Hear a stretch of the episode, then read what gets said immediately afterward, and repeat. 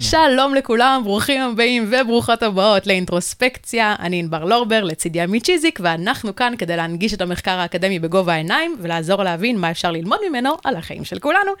כדי לעמוד במשימה הזאת, אנחנו מארחים את החוקרים והחוקרות הטובים והטובות ביותר שלנו לשיחה בהירה ופשוטה ככל האפשר. אז יאללה, פתיח ומתחילים.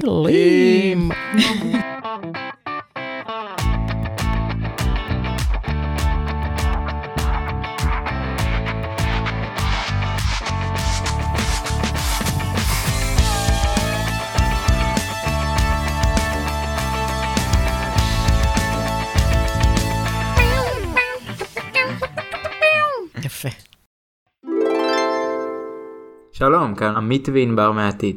אנחנו מסיטים את הקשב שלכם מהפרק לצורך עצירה חשובה. לאורך הפרק אנחנו נזכיר מחקרים בתחום הפסיכולוגיה הקוגניטיבית.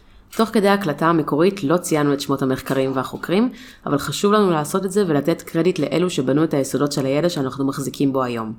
אם תרצו לגשת למחקרים עצמם, נציין אותם במרוכז בסוף ההקלטה ונוסיף גם קישורים רלוונטיים בתיאור הפרק. ועכשיו נחזיר את הקשב שלכם לפרק. האזנה נעימה. שלום יפה, שלום לכולם, שלום למי שהצטרף אלינו. שלום, שלום. אהלן. אנחנו כאן נמצאים אה, עם פרופסור יפה ישורון, שתכף אה, נראה לי תספרי על עצמך קצת כן, יותר, אוקיי. אה, יהיה יותר טוב, אבל שנייה לפני אנחנו נתחיל כזה עם הנושא של הפרק, קצת שתבינו לאיפה הגעתם. אז כמו שענבר אמרה, אנחנו מנסים להנגיש קצת את המחקר ב- בשפה קצת יותר פשוטה, בהירה, ולחלק ממה שיהיה בפרקים שלנו, אנחנו מנסים להביא אנלוגיות שיהיו תואמות או שיהיו יותר קרובות לחיי היום, ואחת מהן ש- שעלתה לנו, לענבר ולי, לפני שבאנו היום, זה מנטליסטים. מה זה אומר? זה אומר שחשבנו שאנחנו רואים תמיד אומני חושים בעברית, אצלך, אנחנו רואים אותם תמיד מתעסקים באיזה שהם קלפים, או מושכים לנו את הקשב ורוצים שנתמקד כן, במשהו נכון, אחד, תוך כן. כדי ש... או שהם עושים משהו בצד השני, אה, וכל זה לפעמים משחק לנו על המיקוד. אה, או במילים אחרות, על הקשב שלנו, על האופן שבו אנחנו מתמקדים ספציפית בגירוי אחד, תוך כדי שאנחנו לא קולטים גירוי אחר, או לא מודעים אליו ב- ברמה המודעת שאנחנו יכולים לספר עליו. אה, וזה רק עוד דוגמה אחת לסגנון קשב שאנחנו פוגשים ביום-יום, וזה יהיה בעצם הנושא של הפרק שלנו היום, ביחד עם יפה. אנחנו קודם כל שמחים לארח אותך, ונשמח כזה, אם. תוכלי לספר כזה קצת, אה, קצת עלייך. אוקיי, מה אתם רוצים לדעת? קודם כל, מה- מה שבא לך, אבל הדרך שלך לעולם של פסיכולוגיה ולחקר של אה, קשב ותפיסה, ומה מעניין אותך בזה. אז האמת, כן, שאני לא, התחלתי את הפסיכולוגיה ממש, לא, לא ידעתי מה אני רוצה, זאת אומרת, ידעתי שאני לא רוצה פסיכולוגיה קלינית, שזה לא, לא בשבילי, אבל לא ממש ידעתי מה, איזה קרוב משפחה סיפר לי, כן, פסיכולוגיה זה לא רק פסיכולוגיה קלינית, וזה נשמע לי מעניין. ואיך ממש, ממש ממש בהתחלה, כבר במבוא לפסיכולוגיה, כשהיו מספרים על החלק המחקרי, ורובנו נוטים לדבר על החלק המחקרי, כי זה מה שאנחנו עושים, זה ישר תפס אותי, כאילו זה היה, תמיד היה נראה לי, וואו, זה מעניין, זה כיף, זה מאתגר, זה... אז, אז די מהר התכנסתי על זה שאני רוצה מחקר, אבל לא ידעתי איזה, באמת התלבטתי קצת, פסיכולוגיה חברתית, פסיכולוגיה קוגנטיבית. בסוף אה, הלכתי על אה, פסיכולוגיה קוגנטיבית. אה, למה דווקא קשב? זה ממש לגמרי רנדומלי, הייתי אומרת, פשוט מי שלימד אה, תפיסה, אה, אני עשיתי את התואר הראשון בתל אביב, אה, ומי שלימד שם אה, תפיסה, שזה היה בעצם, הוא היה עשה שיעור על קשב, לא כל כך על תפיסה, זה לא איך שאני מלמד תפיסה, אבל אה, אה, הוא היה מרצה מעולה, פשוט. וזה היה נראה, וואו, זה כזה...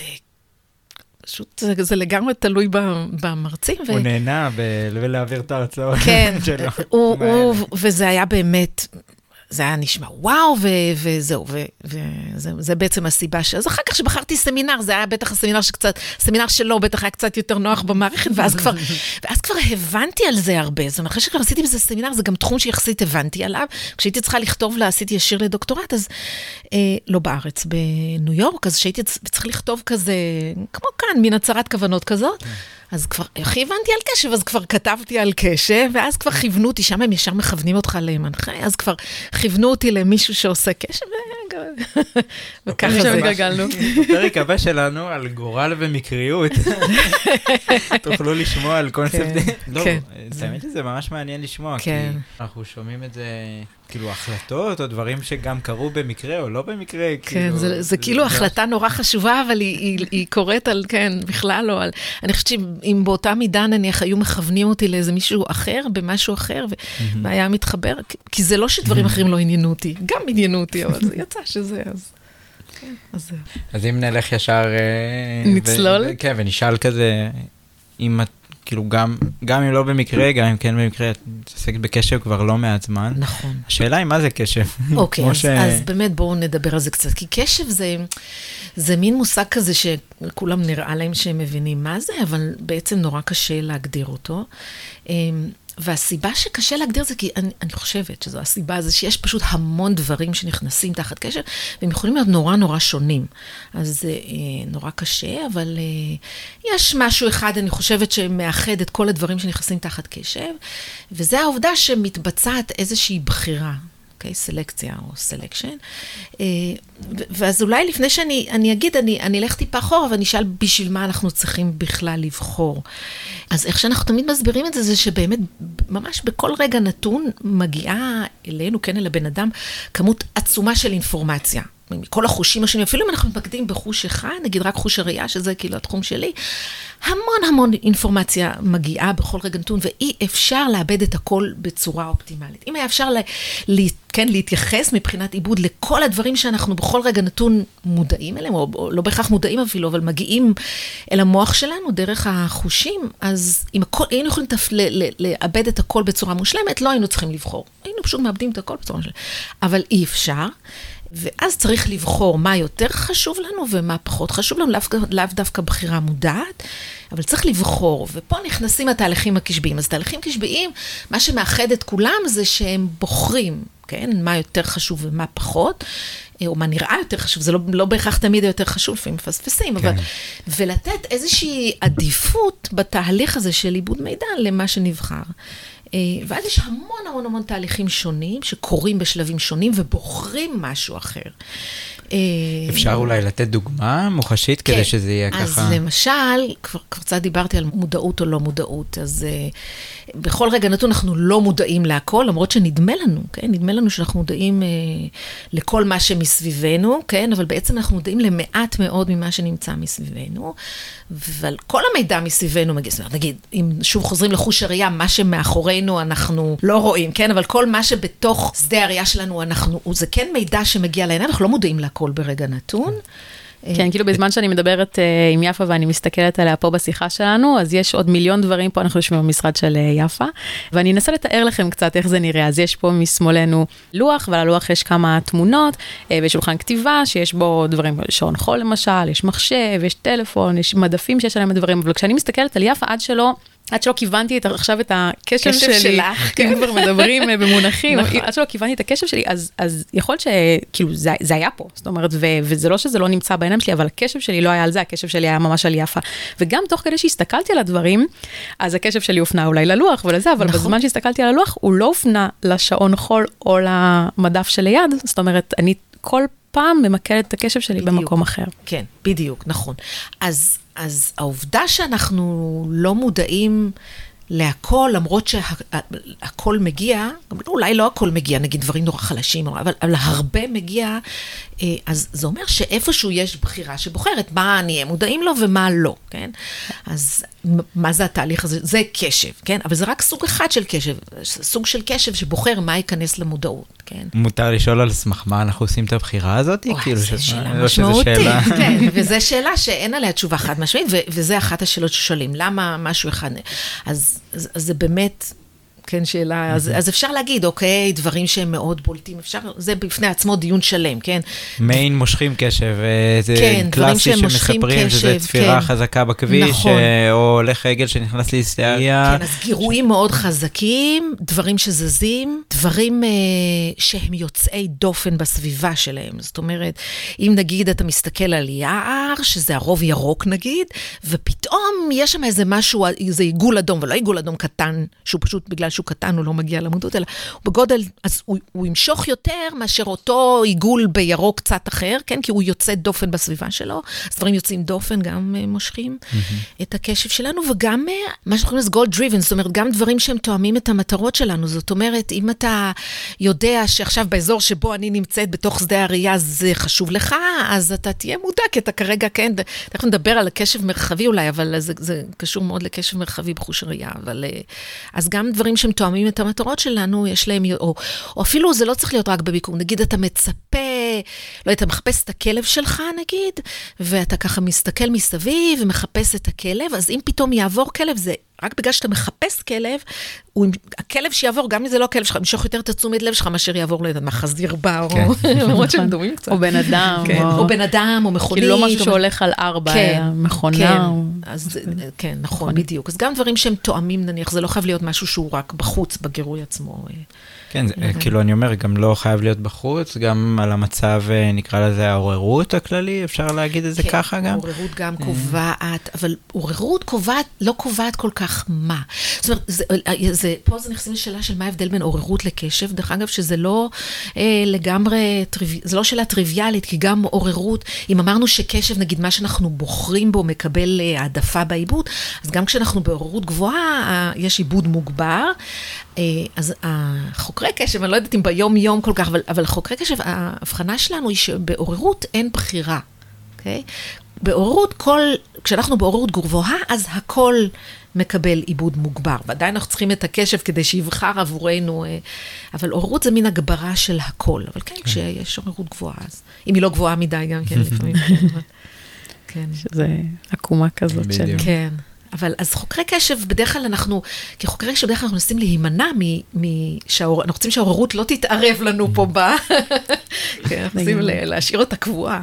כן. כן, שלא תתערב לנו זה, בתוצאות. זה חידוד ממש חשוב, כאילו כל הדברים האלה, כי זה במובן מסוים תמיד מזכיר לי את הביקורת שיש על קשב, כאילו למה לחקור קשב, למה... זה באמת חוסך לנו המון זמן, אה, זה באמת מאוד מאוד משמעותי בחיים שלנו. גם אם אנחנו לא מפנים לזה קשב, עד כמה הקשב חשוב. לא, אי אפשר בלי קשב, זה לגמרי כן. קריטי. זה זה. כאילו, אי אפשר בלי. גם אנחנו לא חושבים על זה באופן מכוון. לא, נכון, כן. נכון. כי התחלת להגיד. כן, לא, זאת אומרת, אה, כמו שאמרתי, אם אי אי אפשר בלי קשב, בגלל שאחרת, אם אין קשב אז אנחנו לא בוחרים, או שהבחירה היא לגמרי, זאת אומרת, אי אפשר לאבד את הכל, נקודה, כן? ואז אם אין משהו שמכוון את, ה, את הבחירה שלנו, אה, או בגלל שזה תואם את המטרות שלנו, או כי התפתחנו אבולוציונית, זאת אומרת, למה דווקא נגיד דברים יוצאי דופן או דברים חזקים הם אה, מושכים את הקשב שלנו? כי זה אבולוציונית, היה משהו שהועיל לנו, כן? אז אם, אם אין איזה משהו שיש לו או חשיבות מבחינת המטרות שלנו, או אבולוציונית, אז, והבחירה היא לגמרי רנדומלית, וחייבת להיות בחירה, כי אי אפשר עם הכל, בת... אז זה לא יהיה יעיל להישרדות שלנו, אז mm-hmm. חייבים קשב, ובאמת אה, הפרעות, מי שיש לו הפרעת קשב, אז רואים את זה מיד, נכון? זאת אומרת, אנשים מתקשים, מי שיש להם הפרעת קשב, מי, תלוי כמה היא חמורה ומה, אבל מתקשים להתמודד בה עם היום-יום, אז צריך. לגמרי. כן, חשוב קשב. חשוב. אנחנו. טעינו לפני אה, לשאול את ההפרעת קשב, אבל נכון. כאילו חשבנו שזה יהיה קצת אה, אה, ענף שונה מה... נכון, אני באמת לא, לא כן, חוקרת כן, של. הפרעת קשב, אז לכן באמת אין לי יותר מדי מה להגיד על זה מעבר למה ש... כן.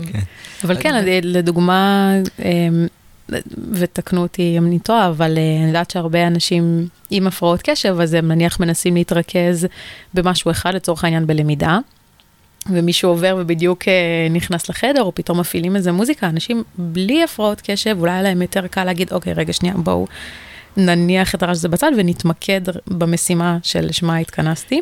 ואנשים עם הפרעות קשב אולי ילכו, כאילו הגירוי שלהם יופנה לדבר שהם דווקא לא רוצים להתעסק כן, בו. נכון. אז האמת שדווקא, זה, זה עוד דוגמה לקשב, זאת אומרת, זה שונה מה... אולי הכל קשור בטח באיזושהי רמה, כן? אבל הדוגמה הזאת שנגיד יש, יש כמה דברים ברמה של בחירת משימה, או, או הדבר שבו, לא, לא הדבר, נגיד, שדה הראייה או אובייקט מסוים, אלא בחירה של המשימה שבה אני רוצה. זה למשל סוג אחר של קשב, ברמה יותר אקזקיוטיב, כן? ברמה ניהולית, אני חושבת שמתרגמים את זה. אני באופן אישי דווקא לא, לא מתעסקת עם זה, אבל זה עוד סוג של בחירה, כן? בחירה שקורית למשל הרבה הרבה יותר מאוחר בתהליך, מאשר הבחירה של מה נכנס למודעות, כן? נכון. כי מה שלא מגיע אליי למודעות, אני בכלל לא צריך לבחור אם להתעסק אותו, איתו או לא, כן? נכון. אז, אז זה סוג תהליך שהוא לגמרי ברמה אחרת. אה, אולי מה שענבר אמרה, אני כאילו מחזק, זה הזכיר לי את זה שלא רק חשוב לי לדעת במה אני בוחר ובמה אני מתמקד, אלא גם חשוב לי לדעת את מה אני מסית, את מה אני כביכול בוחר לשים אותו ברקע ולא לתת לו איזושהי מודעות, כי כרגע הוא גם לא חשוב לי. ומתוך זה עולה השאלה אם uh, אני מפספס דברים. אה, בטוח, כן. לא, בטוח, כן. כן, אנחנו כל הזמן, כן. זאת אומרת, זה ברור. אז קודם כל, באמת, אה, הרבה פעמים כשאנחנו מדברים על קשב, אז יש לנו יותר נטייה לדבר על מה קורה למה שבחרנו, שזה יש איזשהו עיבוד מוגבר, ומה המשמעות של העיבוד המוגבר, זה בלה בלה בלה. אבל לבחירה הזאת יש תמיד גם את הצד השני, וזה שמה קורה למה שלא נבחר. אה, ויש לא מעט עדויות שבאמת מה שלא נבחר, זה לא רק שהוא לא מקבל את העיבוד המוגבר, נגיד הוא נשאר... אלא, אלא באמת יש איזושהי אינהיביציה, כן? יש איזושהי הנמכה של מה שלא נבחר והגברה של מה שנבחר. אם כי תלוי מה, וגם, כן, ב, אוקיי, ואז איזה סוג של קשב, וכל פעם שהם מדברים על איזה סוג עשר, גם פה יש גם הגברה וגם הנמכה, אוקיי, אז גם זה נתון לדיון, אבל בגדול יש איזושהי הסכמה שבאמת מה שנבחר מקבל הגברה ומה שלא הוא מונמך באיזשהו אופן. וכן, ו- ו- ויכול להיות שאתה מפספס. אמ, כדי לחבר את זה, כאילו, גם את המאזינים לזה, אז מאוד מאוד נוח גם לנו להביא איזושהי דוגמה, ויצא לי, כאילו, בזמן שאת מדברת, לחשוב על איזושהי דוגמה שהיא אולי אה, שואלת אם, גם הקשב הזה, או ההסתה של הקשב, יכולה להיות לגירויים שיש לנו אה, גופניים. אה, למשל, נניח ואני רץ, יוצא לריצה, וכואב לי הצד. זה לא קורה לי בכלל. אבל כש, כאילו, כשזה קורה, אז יכול להיות שאני צריך אולי להסיט את הקשב, פחות ל, אה, להפנות אליו, כי אז הכאב הזה הוא אולי קצת... אה, אה, כאילו במידה מסוימת קצת אה, יגרום לי ללכת להליכה, משהו אה, פחות אה, יפגע במטרות שלי של אני יצאתי לרוץ עכשיו, למרות שאני כן רוצה להיות במידה מסוימת קשוב נכון. לגוף שלי כדי שזה לא יגרום לפציעה, אבל רצים, אה, נקרא לזה אה, אצנים או אתלטים מאוד מקצועיים, הולכים לריצה ויכול להיות שהם מתמודדים עם כאב בשביל להגיע למטרה. אז אני שואל, זה יכול להיות גם לגירויים שהם קשורים לנו, כאילו גופניים, שבהם אנחנו מסיטים את הקשב ונניח לא נותנים לזה אה, אה, כביכול, לא מתמקדים בו, אלא מתמקדים במטרה אה, מסוימת, כמו נניח לסיים את המרוץ, להגיע לשם, אה, למרות הכאב הזה. אה, אז אני, אני יכולה לענות בר, ברמת האינטואיציה, כי זה לא, זה לא משהו שאני כן. חוקרת או זה, אבל ברמת האינטואיציה זה נראה לי לגמרי. לגמרי. זאת אומרת, אה, ברגע שאתה ממקד את הקשב שלך במשהו אחר, לא בכאב בצד, אם אתה מצליח, זה תלוי ברמת הכאב, אני מניחה. אה, אז כן. Teach us master. כן. אבל שוב, זה ברמה, ברמה אינטואיטיבית, אני לא... כן. כן. אבל כל הזמן אנחנו מפספסים, רק שאנחנו מניחים שהרבה פעמים הפספוס הזה הוא לא נורא, כי הבחירה שלנו היא כאמור לא רנדומלית, אלא היא מבוססת אה, על, על שילוב כזה של המטרות שלנו, שהבחירה בסך הכל, זאת אומרת, המטרות, בסך הכל אנחנו בוחרים, כי זה מה שאנחנו, המטרות שאנחנו יודעים מה חשוב לנו, וגם, כמו שאמרתי, דברים אבולוציוניים, אז uh, משהו שמופיע בפתאומיות, זה מאוד מושך את הקשב, ו, וזה לא סתם, ו, אבל uh, כן, אבל זה לדעתי זה קורה די הרבה, יש את הסרטון עם הגורילה, שאולי הרבה מכירים, אבל אי אפשר להראות את זה פה וזה, אז, uh, אבל אם מי שמכיר, אז הוא מכיר בדיוק דוגמה של משהו גדול שמפספסים, אבל אפילו לא צריך ללכת לסרטונים כאלה מוזרים, כשאנחנו נוהגים נניח, אנחנו מאוד מרוכזים בכביש. אנחנו מרוכזים מדי, וזה תואם את המטרות שלנו, כי בסך הכל אנחנו על הכביש, כן, הרוב קורה בכביש. ומישהו מזנק פתאום מהמדרכה, ואם אנחנו, כל הקשב שלנו לגמרי על הכביש, אנחנו עלולים לפספס את המישהו הזה שפתאום מזנק. וזה, כן, כן זה, זה דוגמה מצוינת. אז כל, כל מי שמקשיב עכשיו אה, ו, ולא לא הבין על מה אנחנו מדברים וזה היה לו מוזר, תעשו פאוז ותיכנסו לכישורים, אנחנו נשים בזה שלנו לינק לשני סרטונים, תלכו לצפות בהם, תחזרו לזה. ואז עכשיו אני אתן חמש שניות של אה, ת, תעשו פאוז ותמשיכו, ועכשיו ספוילרים לכל מי שלא ראה את הסרטונים. אז uh, יש uh, סרטון של uh, כמה חבר'ה שמשחקים uh, כדורסל, ואתה מתבקש לספור כמה פעמים הקבוצה, יש קבוצה שחורה וקבוצה לבנה, כמה פעמים הקבוצה הלבנה מתמסרת. כן. ו, ואם... אם אתה ממש משקיע, את או אתה משקיעים את הקשב בלספור באמת את הזה, רוב הפעמים מפספסים את זה שעוברת גורילה שחורה מאחורה, או דוב שחור, זה תלוי uh, בסרטון. Um, ויש עוד סרטון של כמו אה, אה, מקרה כזה של אה, חקר של אה, רצח כזה, מישהו נרצח, נה נה נה נה, אה, ובאים ומישהו מנסה לבדוק מי מהעובדים אה, באחוזה רצח את אה, בעל האחוזה או משהו כזה, אה, ובסוף מגלים את התשובה, יופי מגניב. אבל מה שלא שמו לב, זה שתוך כדי היו לפחות 20 שינויים. בחדר, בסביבה, אה, כן. הפרחים שינו אותם תוך כדי, אה, אחד השומרים החליפו אותם, זאת אומרת, הכל ממש השתנה, ולא שמנו לזה קשב. למה אני אומרת את זה? כי הדוגמה שנתת פתאום אחר כך על דברים בכביש שאנחנו לא שמים לב אליהם, אני צפיתי בסרטונים האלה לפני כמה ימים, ונשארתי עד הסוף של הסרטון, ופתאום בסוף של הסרטון היה ממש את המשפט הזה, קל מאוד לפספס דברים שאתה לא שם אליהם, אוקיי. לא שם אליהם קשב. Um, שימו לב לרוכבי אופניים, משהו כזה, ומסתבר ששני הסרטונים האלה הם בכלל פרסומת של... אה, זהירות בדרכים, כדי כן, בלונדון או משהו כזה, שהשתמשו בהם, כן. הם, לא ייצרו אותם כפרסומת, כן? אבל כן, משתמשים בהם כפרסומת. זה, זה ממש מגניב, כאילו ממש היה שם כזה של עיריית לונדון לדעתי, 아, היה שם משהו אוקיי. ש... כן, זה... גאוני, וזה ממש ממחיש את זה, שפתאום כשאנחנו חושבים, נניח רוכבי אופניים, הולכי רגל בכביש, דברים שאנחנו צריכים לשים לב, אופנועים, פתאום כשהקשב שלנו שם, אז הרבה יותר קל לנו לשים לזה לב. אני יודעת נכון. שנניח, אה, אה, שמעתי שנתנו למישהו דוח על זה שהוא לא עצר למישהו במעבר חצייה, ומאז, כל פעם כשאני מתקרבת למעבר חצייה, אני ממש מתה, מסתכלת מלא פעמים אם יש הולך רגל. כן. זאת אומרת, נכון. פתאום זה ממש במודעות שלי. כן, נכון. זה, חל, זה הופך להיות חלק מהמטרות שלך, ואז הבחירה נכון, היא... נכון, ואז הקשב שלי מופנה לשם. נכון. אולי אנחנו גם מדברים במושגים כלליים, נכון? כי אם אני מנסה לדמיין כאילו את הסיטואציה שענבר אה, תיארה וגם את תיארת מקודם, אה, בנוגע לנהיגה, אז יש לי גם קשב ממוקד בדברים שנמצאים מולי, אבל יש לי גם קשב מרחבי. אה, והשאלה היא, כאילו, מה זה אומר יותר, כאילו, קשב מרחבי? אז אולי אני אגיד משהו על קשב מרחבי, כי קשב ממוקד, אני ישר חשבתי על קשב מרחבי, אז זה לא זה מול mm. זה. אוקיי. אה, אז קשב מרחבי, אוקיי, אז אמרנו שיש, נחזור רגע שנייה לעובדה שיש כל מיני סוגים של קשב. והסוגים השונים שואלים, הרבה פעמים אנחנו, שואל, אנחנו מגדירים את הסוג של הקשב לפי מה נבחר. אוקיי? Okay? קודם דיברנו על קשב למודעות, שזה יותר עבור מה הבחירה, כן? מה ייכנס למודעות, אבל גם אפשר לש, לשאול על בסיס מה הבחירה, אוקיי? Okay? זה קורה הרבה בחוש הראייה. אז אם אני בוחרת מיקום במרחב, אז לזה אנחנו קוראים קשב מרחבי. אז אם אני נגיד מחליטה ש...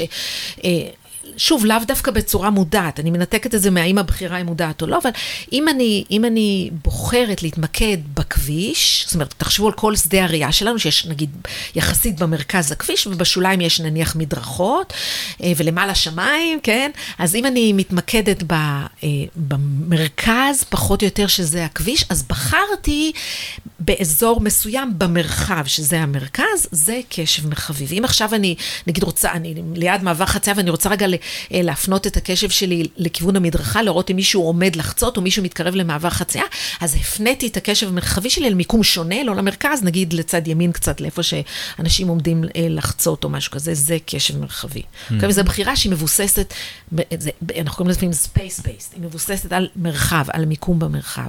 אז רק כדי להבין את זה, אני אעשה רגע אה, אה, הבחנה בין זה למשל למה שאנחנו קוראים לזה feature based attention, או...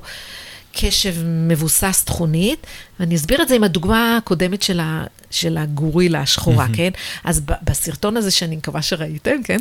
אז יש קבוצה שלבושה בלבן וקבוצה שלבושה בשחור, וההוראה היא לעקוב אחרי לבן. זאת אומרת, בעצם הקבוצה הלבנה, ו, ובעצם, כשאומרים לנו, תעקבו אחרי הקבוצה הלבנה, אבל יש שם גם קבוצה שחורה שגם היא מתמסרת בכדור, וזה מקשה עלינו, כי אנחנו צריכים לספור רק את המסירות של הקבוצה הלבנה.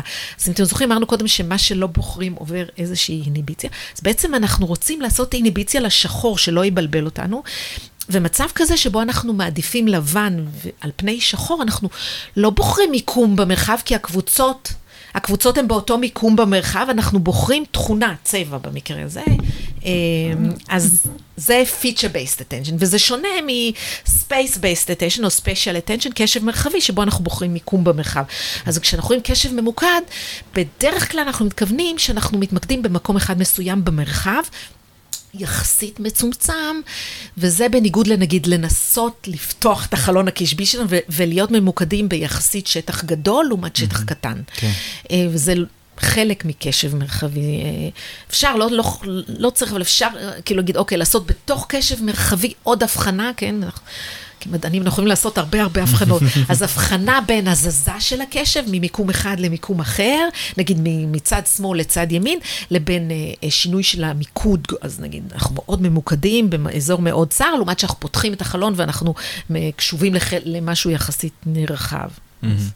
אבל שניהם זה קשב מרחבי, כן. אוקיי? שזה בעצם גם נותנים בעיקר את מה שאני עושה. האנלוגיה הקלאסית תמיד של אלומת אור, נכון? זה מאוד דומה. לפנס, כן. גם זה, דרך אגב, ויכוח בפני עצמו, נכון. האם הקשב הוא כמו פנס, או כמו אה, צמצם של אה, מצלמה, אבל היום זה כבר פחות, כן, היום חושבים שהוא באמת גם זז, גם זז במרחב, וגם אה, נפתח ונהיה יותר צר, או כמו, ממש כמו חלון קטן לעומת חלון גדול. אה, כן, ויש גם כאלה שחושבים שאנחנו יכולים להיות ממוקדים בו זמנית בכמה מיקומים, גם זה ויכוח שאי אפ- לא מצאו דרך טובה. אה, לפתור אותו, האם זה נכון? אפשר להיות בו זמנים ממוקדים ביותר ממקום אחד, ואם כן, אז כמה? כמה אפשר בלי שיהיה לזה מחיר, או האם מיד יש לזה מחיר? ו- ו- יש לי, יש לי וידוי, וכאילו יש לי וידוי שהוא לא עליי. אוקיי. אבל אה, אבא תסלח לי. לאבא שלי יש שתי טלוויזיות בבית. אה, אוקיי. ואז- ליד השנייה? כן, אחת ליד השנייה. אוקיי. ואמרתי את זה כי, כי זה והוא הזכיר, בו זמנית צופה ב... זה מה שהוא אומר לפחות. לא, הוא בטח... אז אני... אז- כאילו- אז אה, כאילו שמקרינות שני דברים שונים במקביל. בו זמנית? כן. איזה אלוף. נכון, כולנו מקנאים באמת בסופו של דבר. כן, אבל אז- הנה, זה בדיוק, אתה יודע מה, זה בדיוק לוקח אותנו ללמה זה קשה להראות. כי אם אתה רוצה להגיד שאפשר להיות קשוב בו זמנית לשני, אתה צריך להראות שבאמת, ממש בו זמנית קשובים ל, ל, ולא זזים מהר עם הקשב בין שני המיקומים. ו, כי אפשר לזוז מהר, ועוד לא מצאו דרך להראות את זה, ויכול להיות שבאמת מה שאבא שלך עושה זה פשוט קצת פה, קצת פה, קצת פה, קצת פה, ולא בו זמנית כל אלה. ואי אפשר, אה, גם הבנים שלי, זה גם עניין של דור, הבנים שלי יושבים תמיד, תמיד, הם רואים טלוויזיה, הם תמיד גם טלפון. בטלפון. כן, בו זמנית. אז זה תמיד מדהים אותי. אז, אז ממש. סדרה בזה, סדרה בזה, או משחקים במחשב באיזה משחק שגם דורש מהירות, לא רק זה, גם דורש מהירות וגם בו זמנית הם רואים איזה סדרה בטלפון, וואו. אז יש כזה, יש שאלה שאין עליה תשובה, שואלים האם נגיד, באמת הדור של הילדים שלי, שזה נגיד 20, קרוב אליכם בטח, אה, נגיד 20, אבל ממש 20 כזה, אה, האם היכולת שלהם לח, לח, לעשות חלוקת קשב יותר טובה, נגיד, מהדור שלי, שלא לא היה...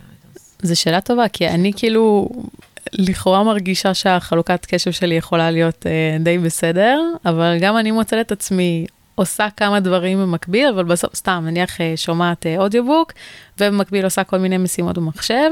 אבל יכול להיות שאני עושה את המשימה, וכאילו כמה שניות אחר כך כזה, אין לי מושג איפה, מה עבר בטווח נכון. הזה ב audiobook, שפתאום כן. לא הייתי, ולכאורה, אני כן, אני מקשיבה, אני רואה, אני רואה את הסדרה במקביל, אני פחות או יותר עוקבת אחרי העלילה, אבל כאילו, האיכות אולי של הקשב שלי נכון. היא פחות טובה. אני כן מצליחה, תמיד אומרים, ב, אמרו לנו בתואר שאין דבר כזה multitasking, כי אתה אף פעם לא יכול לעשות שני דברים כן. 100% בוז. בדיוק זה מעלה לי את השאלה, מה שאת אומרת, אם אפשר לאמן בכלל קשב, כי אנחנו, כן. כאילו, כאילו אמרת אולי הדור הצעיר מצליח, אה, לא רק, כן. אה, לא רק זה, אני רואה כאילו יוצא לעבור, רואה ילדים הולכים, מסמסים תוך כדי, או משחקים, תוך כדי הליכה ועם חברים. כן, כאילו, נכון, נכון. זה- אז כן. אפשר לאמן את הדבר הזה? זו שאלה טובה? בגדול כל דבר אפשר לאמן בגבול, כן? אה, כל דבר אפשר לאמן. אבל עד כמה זה באמת שאלה? זה, זה, זה לוקח אותנו גם לשאלה שכבר שואלים לדעתי איזה משהו כמו עשר שנים לפחות, ועדיין אין עליה הסכמה, וזה האם שחקנים, גיימרס כאלה, שמשחקים הרבה במשחק, האם הת- התפיסה שלהם, היכולת שלהם לתפוס גירויים יותר טובה, כי הם צריכים נגיד במהירות, דברים קורים, להגיב מהר, ואין על זה, אז ממש יש עדויות לכאן או לכאן, זה דברים שנורא קשה לבדוק. ואין, אין על, קשה לתת לזה תשובה חד משמעית. אני... אז זה כנראה גם וגם, אה, ובאמת אה, קשה, קשה לבדוק, נורא קשה. נורא כן. קשה להגיד, לתת לזה תשובה חד משמעית. ממש. זה דורש אה, מחקר. איך איך באמת מודדים קשב? כאילו... אז תלוי איזה קשב. תלוי איזה קשב, אבל אה, כן, תלוי איזה קשב. ב- ב- ספציפית אצלך. אה, אז אוקיי, אז באמת בקשב, בקשב מרחבי, יש שני סוגים, אנחנו עושים הבחנה אוקיי, עשינו כבר כל מיני הבחנות, אבל הנה עוד הבחנה. אה, אנחנו עושים הבחנה בין קשב גלוי לקשב סמוי, אוקיי? אז קשב גלוי מרחבי, כן? אוקיי, אנחנו רק בקשב מרחבי. זה בעצם תנועות עיניים. כי אה, כשאנחנו, בגלל איך שהעין שלנו, וזה לא רק בעין, זה גם המוח, איך שהמערכת התפיסתית שלנו בנויה, יש בעצם העדפה שהיא מבנית למה שהעין ממוקדת. זאת אומרת, אנחנו מסתכלים על משהו, מקדים ממש במשהו הזה את המבט, מה שנופל באזור הזה, זאת אומרת, מה שאנחנו מקדים בו את המבט, מקבל עיבוד מוגבר מבחינת חדות הראייה, כן? מבחינת היכולת שלנו לראות פרטים קטנים, וככל שמשהו יותר רחוק מהמרכז, איפה שאנחנו מקדים את המבט, אז החדות ראייה זה כאילו, זה כאילו אנחנו, לא כאילו, אנחנו קולטים אותו בעצם יותר מטושטש. Mm. אה, יש לזה טיפה חסרונות, למשל, תנועה, אנחנו דווקא רואים יותר טוב בצדדים, אבל כן. הרוב, בסך הכל, ברוב המשימות שאנחנו עושים ביום-יום, זה טוב למקד את המבט במה שאנחנו... אה, אז כשאנחנו מזיזים את העיניים וכל פעם מתמקדים במקום אחר, זה בעצם בחירה, כי ברגע שבחרנו להתמקד במקום מסוים, אנחנו נותנים למשהו הזה, המיקום המסוים במרחב הזה, העדפה מבחינת היכולת לראות פרטים קטנים. אז לכן זה קשב, כן? זה תהליך קשבי, כי יש פה בחירה ויש משמעות לבחירה הזאת. ואנחנו קוראים לזה קשב גלוי, כי בשבילי כחוקרת הוא גלוי. זאת אומרת, אני יכולה להסתכל עליכם, לראות איפה אתם ממקדים את המט ולדעת במה אתם, אה, למה אתם קשובים באופן גלוי, אוקיי? כן. אז ככה אנחנו מודדים קשב גלוי, יש מכשירים שיודעים לעקוב בקלות, זה מאוד קל, אחרי תנועות העיניים, וזה לא, אה, לא פולשני בשום אופן, כאילו, אין, רק צריך קצת, איזה תהליך כזה קצת, אבל זה... היום יש אפילו מצלמות כאלה שהן ניידות, אפשר כאילו להסתובב איתן במרחב ולדעת לאיפה כן. הבן אדם מסתכל, זה מגניב, זה מגניב. הן לא מאוד מדויקות, כמו במעבדה, שאנחנו מקבעים את הראש, לא מקבעים, זה נשמע רק שלא רואים, שמים את הראש על איזה מין כזה דבר כדי שלא יזוז. זה כמו רופא עיניים. על כרית, מאוד נעימה ולטפת. נכון, כן. אז לא. לא, זה מזכיר לי כאילו בדיקת עיניים כזה של רופא עיניים. זה ממש צ'ינרס, זה כאילו מין דבר כזה שאתה מניח עליו את הראש רק כדי שלא תזיז את הראש יותר מדי, כי בעצם זה מין מצלמה שמתמקד, היא מחפשת את החור, את האישון, את השחור הזה, ואם מזיזים יותר מדי את הראש, אז זה יוצא ממיקוד. אמ, אבל כמו שאמרתי, יש מצלמות שיודעות לעשות את זה במובייל כזה, במשקפיים אפילו, הן לא מאוד מדויקות, אבל אנחנו מתקדמים, הטכנולוגיה מתקדמת. סייבורג כאלה. אז כן, זה מאוד מגניב. אז זה, אז זה יחסית קל, ככה אנחנו מודדים. קשב גלוי, בודקים לאן אתה מסתכל. מעניין אותי מה זה הקשב הסמוי עכשיו. הקשב הסמוי, אוקיי, הוא גם בוחר מיקום, והאמת שיש לו השפעות יחסית דומות לקשב הגלוי, לא, אבל לא באותה עוצמה. אה, אבל הוא לא מלווה, זאת אומרת, זו בחירה של מיקום, גם, אוקיי? העדפה של מיקום, אבל שהיא לא מלווה בתנועות עיניים. לא בהכרח. אה, אה, אז הדוגמה שאנחנו חוקרים נותנים תמיד, זה בגלל שזה משהו שאנחנו חווים כל הזמן. כשאתה הולך לכנס, לכנסים, אז תמיד מסתובבים עם, עם, עם, השם שלך, או תלוי כזה על החזה איכשהו, לא חשוב. ואז ניגשים, ניגש אליך מישהו, מתחיל לשאול אותך, לדבר, וברור לך, אתה רואה את הפרצוף, אתה מכיר אותו, ואתה לא זוכר איך קוראים לו. עכשיו הוא מדבר אליך, אתה רוצה להסתכל עליו, כי זה לא נעים, נכון? מצד שני, אתה מת לדעת איך קוראים לו. לא נעים להזיז את העיניים לאזור של השם, אז אתה ממקד, ממשיך למקד את הקשב הגלוי, את המבט שלך בעיניים של הבן אדם, כן, בפנים של הבן אדם, אבל כל הקשב שלך הוא, הוא, הוא שם, איפה שהשם של הבן אדם בניסיון לקרוא את זה, כן? אז זה ממש מצב שהקשב הסמוי במקום אחר מאשר הקשב הגלוי.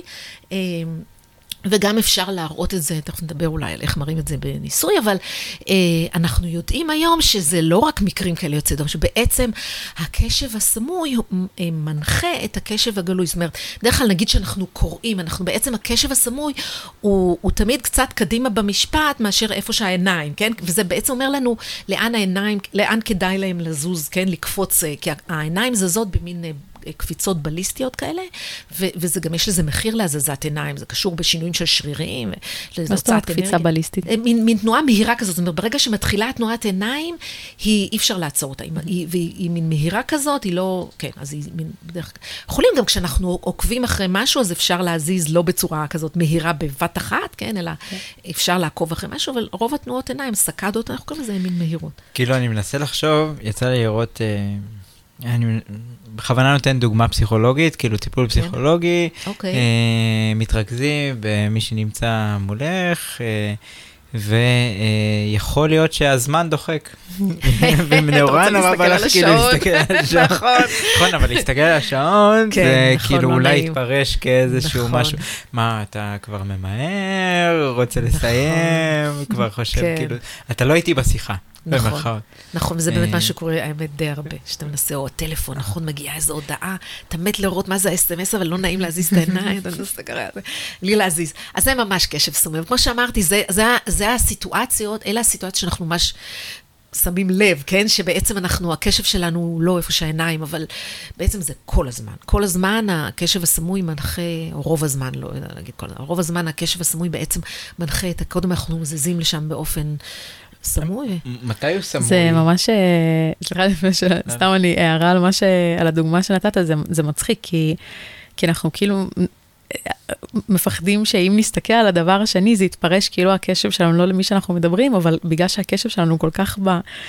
להסתכל על השעון או להסתכל על התג שם, אז יוצא שדווקא אם היינו מסיטים לשנייה את המבט ומחזירים אותו, אז זה היה לוקח מאיתנו הרבה פחות מאמץ זמן ומשאבים ו- כן. והכל, ואז כן יכולנו להקשיב. זאת אומרת, כשאנחנו עושים את הדבר הזה, את התנועה הזאת שאתם לא יכולים לראות אותי עושה, אבל תנועה של להסתכל שנייה על הטלפון אה, או על השעון, אנשים יכולים לפרש את זה כזה, כשדווקא זה יכל לעשות בדיוק את ההפך, לתת לנו יותר פניות אה, לדבר עם הבן אדם הזה. אני רק אגיד שזה גם נורא עניין חברתי, זאת אומרת, באמת אה, בארץ מסתכלים, נכון שמישהו מדבר איתך, אתה מסתכל עליו, אבל יש, יש תרבויות שזה פחות מקובל, או בכל אופן זה גם מקובל שאתה לא מסתכל, וזה לא נתפס כ...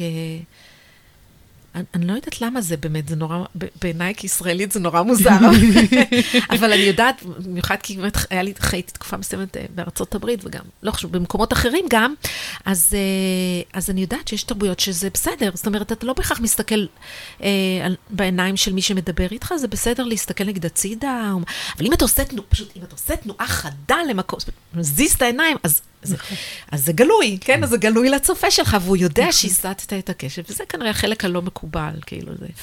אתה מגלה לו שאתה כרגע, לרגע אחד לא קשור. אז זהו, הקשב הסמוי, מה שבאתי לשאול, זה אה, עבור מי שנמצא בצד השני, כי... נכון, אה, עבור הצופה, לא עבור הכ- מי שקשוב, כן. זה הוא כאילו סמוי חידוד למי חשוב. שמסתכל עליך, נכון. כן, אז זה חידוד כן. חשוב, כי בהתחלה אני חשבתי שזה סמוי אפילו לי בתור... אה, כן, אז באינטואיציה שלנו אנחנו לא, לא שמים, זאת אומרת, בדרך כלל אנחנו לא שמים לב לזה, זה, כי, כי גם אם, אוקיי, כל זמן שאין אה, סביבה שהיא דינמית, אז כשאנחנו, אנ- העיניים שלנו במקום מסוים, גם הקשב הסמוי, כן? כן. אה, זה יותר כשאנחנו או קוראים, זאת אומרת, אנחנו, אנחנו בעצמנו, או, כן, מזיזים בעצם את הקשב שלנו, אפילו שהסביבה לא דינמית, כי אנחנו מסתכלים נגיד על ספר, או... אז הסביבה לא דינמית, אבל אנחנו בפעילות שלנו דינמיים, אה, או כשמשהו זז וקורה, אז כן, אבל אז... אחרת אנחנו, זה בדרך כלל ביחד, אין סיבה כאילו להזיז, אין סיבה שהם לא יהיו ביחד, מלבד בסיטואציות דינמיות, או שפתאום משהו מופיע, כן, אז באמת הקשב הסמוי הולך לשם קודם, ואחר כך אנחנו לא, לא, רוב הזמן אנחנו לא מודעים לזה, אנחנו לא יודעים שהלכנו לשם קודם, הלכנו עם הקשב, כן, קודם עם הקשב הסמוי, ואנחנו לא יודעים, אבל ככה זה. כן. באמת, אוקיי? כאילו, אז איך, אז אז איך, באמת, איך מודדים אוקיי. את אז- הקשב הסמוי אז הזה? אם באמת, אמרנו כן. שהגלוי הוא בקפיצות כאלה, כן, מאוד... אז הגלוי, מאוד- אמרנו, אנחנו מסתכלים על תנועות עיניים, ובאמת יש חוקרים שזה מה שהם עושים. הם חוקרים קשב גלוי, הרבה פעמים לא יגידו, הם לא יקראו לזה אפילו ככה, הם יגידו שהם חוקרי של תנועות עיניים. אה, אוקיי. כדי לא... למה? מעניין, כאילו- כאילו למה... כי מסורתית, אני חושבת, כן, אני לא יודעת למה, אבל מסורתית, אני חושבת שאנשים שאמרו שהם חוקרי קשב, חקרו קשב סמוי, אולי כי זה היה נראה יותר מעניין, או... כן, אני חושבת שזה היה פשוט נראה יותר מעניין, יותר מאתגר או משהו כזה, ו... ולחקור... תנועות עיניים, אתה חוקר תנועות עיניים, כן, היה לזה שם אולי אחר, אני לא יודעת, כן. uh, בשנים האחרונות כן יש יותר ערבוב, כאילו, אבל אבל- אבל המחקר של הקשב בתחום הראייה, כי, כי, כי האמת שאפשר לחקור קשב, ויש גם קצת בתחום השמיעה, והאמת שזה התחיל יותר בתחום השמיעה, אבל היום ממש הייתי אומרת משהו כמו 80 אחוז, אם לא יותר, זה בראייה. אוקיי? Uh, אז זה היה המון שנים שזה היה כמעט רק קשב סמוי. אבל היום יש יותר ערבוב. חלק מהסיבה שיש ערבוב זה שרוצים לקחת את המחקר לסיטואציות שהן יותר קרובות לחיי היום-יום. בחיי היום-יום אנחנו מזיזים עיניים כל הזמן, כן? אז זה קצת מוזר לדבר רק על קשב סמוי, כשברור שגם מזיזים עיניים, כן? אז זה התחיל להיות מין מחקר יותר מעורבב כזה, כמובן זה ישר נהיה קשה, כשעושים מחקרים כאלה יותר מעורבבים, אבל כן.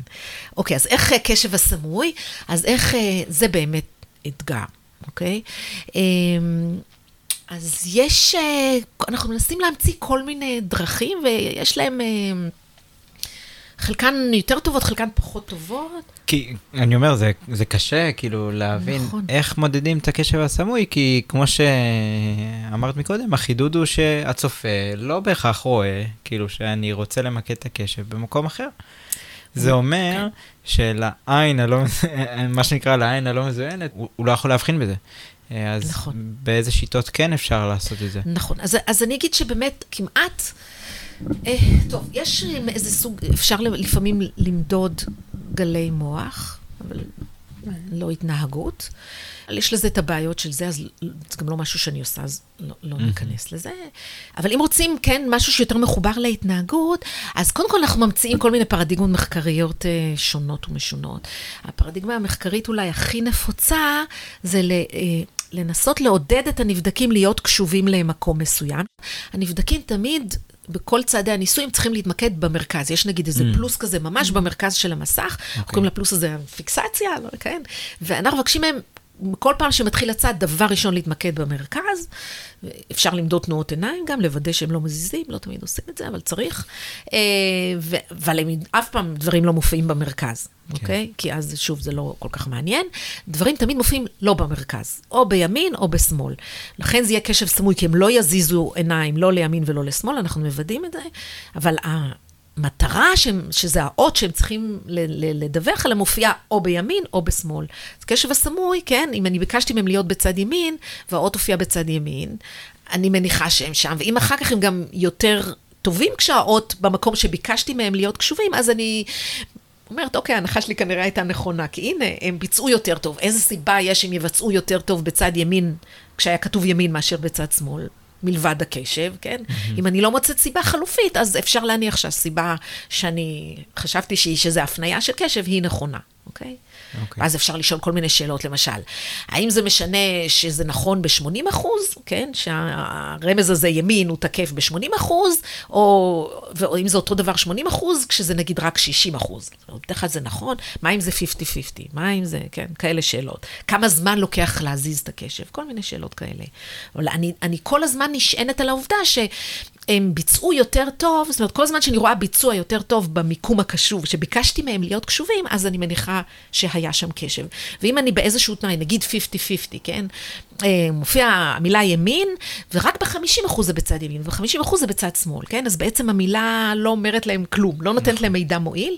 אם נגיד במצב כזה אני לא רואה שהם יותר טובים, אה, כש, כשזה באמת בצד ימין מאשר בצד שמאל, אז אני מניחה שהם לא הזיזו לשם את הקשב באופן רצוני. כן, ההנחה פה שזה הפניה רצונית. Mm-hmm. אה, כן. זה, זה מעניין, מעניין. אני כאילו... הבנתי את, ה, כאילו, את הדרך הזאת להסתכל, ודווקא להגיע, להגיע למשהו שלא בהכרח אה, אה, חקרו אותו, נכון? לפי מה שהבנתי, כי קשה מאוד לחתור, לחקור לא, קשב לא. גלוי. יש המוני חוקרי אה, סמוי? קשב. כן, המוני חוקרי קשב. כן? זה נחקר מאוד. והניסוי הזה שאני מתארת לכם, הוא נעשה בשנות ה-80 של המאה הקודמת. אה, כאילו בהתקדמות מהירה של שנות האלפיים, את אומרת שזה לפני uh, ages ago, עידנים. נכון, כאילו. כן. אבל זה, יש הרבה חוקרי קשב, כן, זה ממש הבסיס, אוקיי? ואז כאילו אה, יוצא לי לש... כאילו לשאול ולהגיד, רגע, מה היישום של זה? כאילו נניח ומצאתי כאילו איזה משהו, איזה שאלה. החיוך אומר... אה, איזו שאלה כן. מעצבנית. לא, אפשר, אפשר, אה, טוב, אז באמת השאלות על מה היישום המיידי של המשהו הספציפי הזה, הוא... אבל כן, כן, כן אנחנו למדנו מהניסויים האלה, באמת למשל, אה, כמה זמן לוקח להפנות קשב בצורה רצונית, כי כרגע, בינתיים דיברתי רק על הפניה רצונית, יש גם הפניה שהיא לא רצונית. אה, אז נגיד, כמה מהר אני יכולה להפנות קשב באופן רצוני, באופן לא רצוני, וזה יכול להיות חשוב בכל מיני אה, סיטואציות. אני יודעת מה, שאתה רוצה לבנות איזושהי תוכנה אה, בסיטואציה שהיא דינמית וצריך מהר להגיב, אז אתה יכול לדעת, אוקיי, אם אני, אה, כמה מהר הבן אדם יוכל אה, להפנות את הקשב שלו, אם הוא יודע מאיזו, מאיזושהי סיבה שעכשיו עומד להופיע מישהו במקום מסוים והוא צריך להפנות כמה מהר, כן? אה, את האמת שאני מאוד אוהב ספורט, אה, לא כאילו, לא הבאתי גם את הריצה מקודם אה, אה, סתם, ויצא לי לראות איזשהו סרטון של אה, שחקן כדורסל אמריקאי שמתאמן לקראת המשחקים עם, למשל, עם ווליום מאוד מאוד חזק של גירויים חיצוניים. קוליים, כי במהלך המשחק הוא צריך להתרכז ולמקד את הקשב שלו בהמון גירויים. למשל, יש את הקהל שצועק, והמוזיקה כן, המאוד אוקיי, חזקה. כן. אה, יש רק חמישה שכנים שהם חברים שלו לקבוצה, שנמצאים בתוך זה, וכל אחד זז לכל מיני כן, מקומות. אוקיי, כן. אה, וכאילו, אה, השאלה אם זה יכול להיות יישומי, לבוא ולהגיד, השחקן הזה צריך אימון בקשב, כדי שהוא יכול כן. לקבל החלטות יותר מהירות, כדי שהוא ידע למסור את הכדור למקום המדויק, אה, או שזה יכול להיות אפילו לשחקן שינה, כן. אה, לזוז לכיוון הנכון. אה, אז אני אגיד... או שזה רחוק מדי, לא, כאילו... לא, האמת, ב... האמת, זאת אומרת, אנחנו קצת מתרחקים, זה לא, מה שאתה מתאר עכשיו זה לא בהכרח אה, קשב מרחבי, כן? כי למשל, לדעת אה, להיות מרוכז, גם כשיש מסביבך רעש גבוה, זה דווקא יותר דומה לקשב האקזקיוטיב, כן? הניהולי mm. הזה שהזכרתי קודם. אה, אבל אה, כן פיתחו תוכנות, אפילו פה בטכניון, זאת אומרת בארץ, פיתחו איזה מין תוכנה כזאת, זה קצת קשור ל... אוקיי, תוכנה שמאמנת, לוקחת כל מיני משימות כאלה אה, קשביות, שחלקן הן ממש משימות שאנחנו כאילו כחוקרים בסיסיים משתמשים בהן, אה, כדי לאמן אה, ספורטאים להתמודד עם דברים שמשתנים מהר, עם, אה, אה, ויש, הם טוענים, כי אני, אני, הם טוענים שהם ממש אה, אה שיפרו, זאת אומרת, היו קבוצות בארצות הברית, לדעתי קבוצה אחת בפוטבול וקבוצה אחת, פוטבול אמריקאי, וקבוצה אחת באיזה ספורט אחר, אולי כדוריד, לא, לא, לא, לא, לא כדורסל, mm-hmm. אני חושבת. והם ממש הראו שהיה שיפור, והם התאמנו, זאת אומרת, הם, חוץ מהאימון הרגיל שהם עשו כמובן, כמו כל, הם, הם גם עשו, ב, לא יודעת כמה הם הקדישו שעות ב, ביום, נגיד, אה, לא יודעת מה, אה, פעם ביום הם ישבו איזה שלושת רבעי שעה על, על המשחק הזה שהם שיחקו בו. והם אה, אה, הראו שיפור, כן? הם פשוט רצו למכור את זה, כן? זה, הם ממש רצו למכור את זה כדרך לאמן. אה, ועוד דוגמה למשהו יישומי, והוא אפילו, ואתם יודעים מה, והוא אפילו ממש משתמש גם במשימה שהזכרתי עכשיו. זה, וזה לוקח לנו חזרה להפרעות קשב, אז אני, שוב, אני ממש לא מומחית בזה, אבל אה, יש קולגה שלי שהיא כן מומחית בזה, והיא גם באה מהתחום שלי, אה, והיא טוענת שהפרעות קשב זה בעצם מין אוסף של הפרעות שונות, והיא פיתחה אה, מין... אה, אה, אה, דרך לאבחן את ההפרעות השונות, והדרך לאבחן זה פשוט אוסף של אה, אה, מין מבחנים כאלה שבעצם כמו הניסויים שאנחנו עושים. למשל, אחד מהמבחנים זה מין, מין דרך להפנות באופן רצוני כזה את הקשב, ולראות כמה יעיל, כן, כמה כל אחד יעיל. כשאני אומרת ימין, כמה באמת באופן יעיל האנשים מפנים את הקשב שלהם לימין ביחס לאיזושהי נורמה, ומי שמתקשה בזה, אז זה המאפיין בהפרעת קשב שלו, כן? ואם אתם רוצים, אנחנו תכף נדבר על איך מפנים קשב באופן לא רצוני. ואז נגיד, יכול להיות שמישהו אין לו שום בעיה להפנות קשב באופן רצוני, אבל כשצריך להפנות קשב באופן לא רצוני, אז דווקא שם יש לו בעיה של הפניית קשב. הוא יכול, אבל יותר לאט, כן? או משהו mm-hmm. כזה. אה, אז באמת הדרך לאבחון הזאת מבוססת על ממש, אה, ממש המשימות שאנחנו משתמש, משתמשות במכונים, והיא גם הראתה שאפשר לאמן בזה. זאת אומרת, אם היא מוצאת שיש בעיה, נגיד, בלהפנות קשב באופן אה, רצוני, אז אפשר להתאמן בזה, להתאמן, להתאמן, להתאמן, ואחר כך משתפרים. Mm-hmm. כן. כן, זה, אז יש לזה הפניות, זה, זה נכון שאני לא עושה את זה באופן אישי, אבל יש, רק צריך לפתח חשיבה כזאת, כן? צריך ל, שזה תהיה במוטיבציה, ואז, אה, כן. אז, אז אני אשאל, אה, זאת אומרת, נתת דוגמאות מה, מהמחקרים שאת עושה עכשיו, אבל איך היית מגדירה, כאילו, על מה המחקר, מה השאלות מחקר שאת עוסקת בהן עכשיו? היה תקופה, כן, שרק התחלתי את המחקר שלי, שבאמת רצינו לדעת מה בדיוק קורה. זאת אומרת, בדרך כלל מוצאים שהם הם מבצעים יותר טוב במיקום הקשוב, ורצינו להבין מה בדיוק, למה, מבחינת uh, המערכת התפיסתית, כן? מה שונה בעיבוד התפיסתי כשאנחנו קשובים, מאשר שאנחנו לא, ובאופן ספציפי הייתה לנו השערה כזאת, שגם ראינו אותה, כן? שזה, הוא עושה משהו, הקשב הסמוי, לפחות הלא רצוני, הוא עושה משהו שדומה להפניית, uh, uh, לקשב הגלוי, כלומר, הוא משפר את חדות הראייה שלנו, מאפשר לנו לראות פרטים קטנים. כשאנחנו רוצים לדעת האם אנחנו לא קשובים לאזור מסוים, למשל, יש אה, תיאוריה כזאת שאומרת שכשהעומס התפיסתי, אז עומס תפיסתי זה נגיד גם, גם זה דבר שיש לגביו ויכוח בהגדרה ואין לו הגדרה טובה. אבל נגיד אם יש, שוב נחזור לעניין הנהיגה, כן? אם יש המון, אני נוהגת ויש המון רכבים על הכביש, אז אינטואיטיבית, כן, היינו אומרים שהעומס התפיסתי גבוה, כן? או יש הרבה עומס תפיסתי במרכז, או יש הרבה, נגיד, אנשים במדרכה, וגם זה מין מד, מד, מדרכה בעיר נורא, יש הרבה שלטים. לנסוע בתל אביב, לנסוע בתל אביב. כן, נכון? אז יש שם עומס תפיסתי גבוה, לעומת לנסוע, לא יודעת, בכביש הערבה, כן? ששם העומס תפיסתי נמוך, כן? זה אולי רק נעשה הבחנה קלה, רק כדי, בין עומס קוגניטיבי, שזה נגיד הזיכרון שלי, כן? אם אני צריכה לזכור עכשיו הרבה דברים, זה יהיה עומס, עומס קוגניטיבי גבוה, אבל אם אני נוסעת בכביש הערבה ואני נורא עסוקה בלזכור דברים, העומס הקוגניטיבי שלי גבוה, אבל תפיסתי נמוך, כן? Mm-hmm. אוקיי. אז יש איזו תיאוריה שאומרת שכשהעומס התפיסתי גבוה, אוקיי?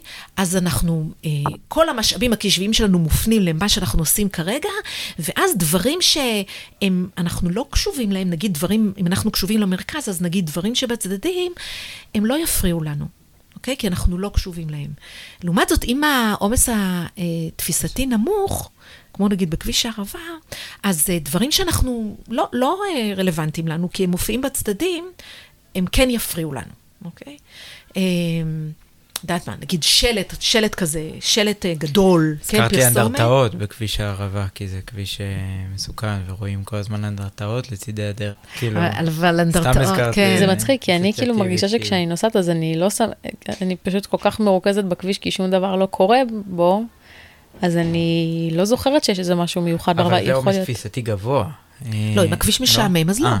הכביש, אין שום כן, דבר בערבה, אבל דווקא בתל אביב, כשאני נוסעת, נסעתי לפני כמה ימים, ויש נורא כל כשאני נכנסת לשם. כי יש גם מלא מכוניות, וגם את האלה שנוסעים מהר מדי, ואת האלה שנוסעים לאט מדי, ולידך נוסע קורקינט, ומהצד השני יש רוכב אופניים שרוצה לעקוף אותך, ויש עוד 30 הולכי רגל שמנסים לעבור את הזה, ועד שאתה חושב שאתה כבר יכול לעבור, אז הנה מגיע עוד אחד, ואתה אומר, אבל אני... נכון, כן. אז פתאום אתה מודע לכל המיליון גירויים האלה שיש לך מסביב, וזה נכון. קצת מרשה, מקשה לך לתפקד, אבל זה, זה משהו אחר.